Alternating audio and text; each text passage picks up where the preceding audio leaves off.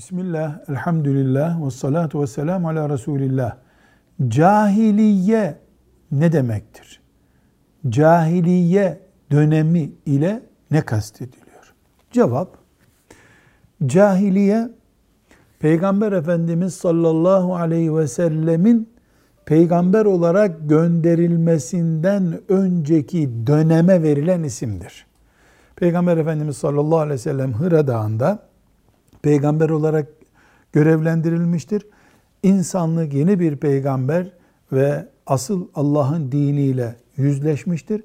O günden önceki hayat tarzına cahiliye hayatı denir.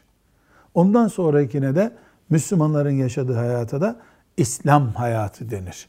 Yani İslam'ın gerisinde kalan hayata cahiliye hayatı diyoruz.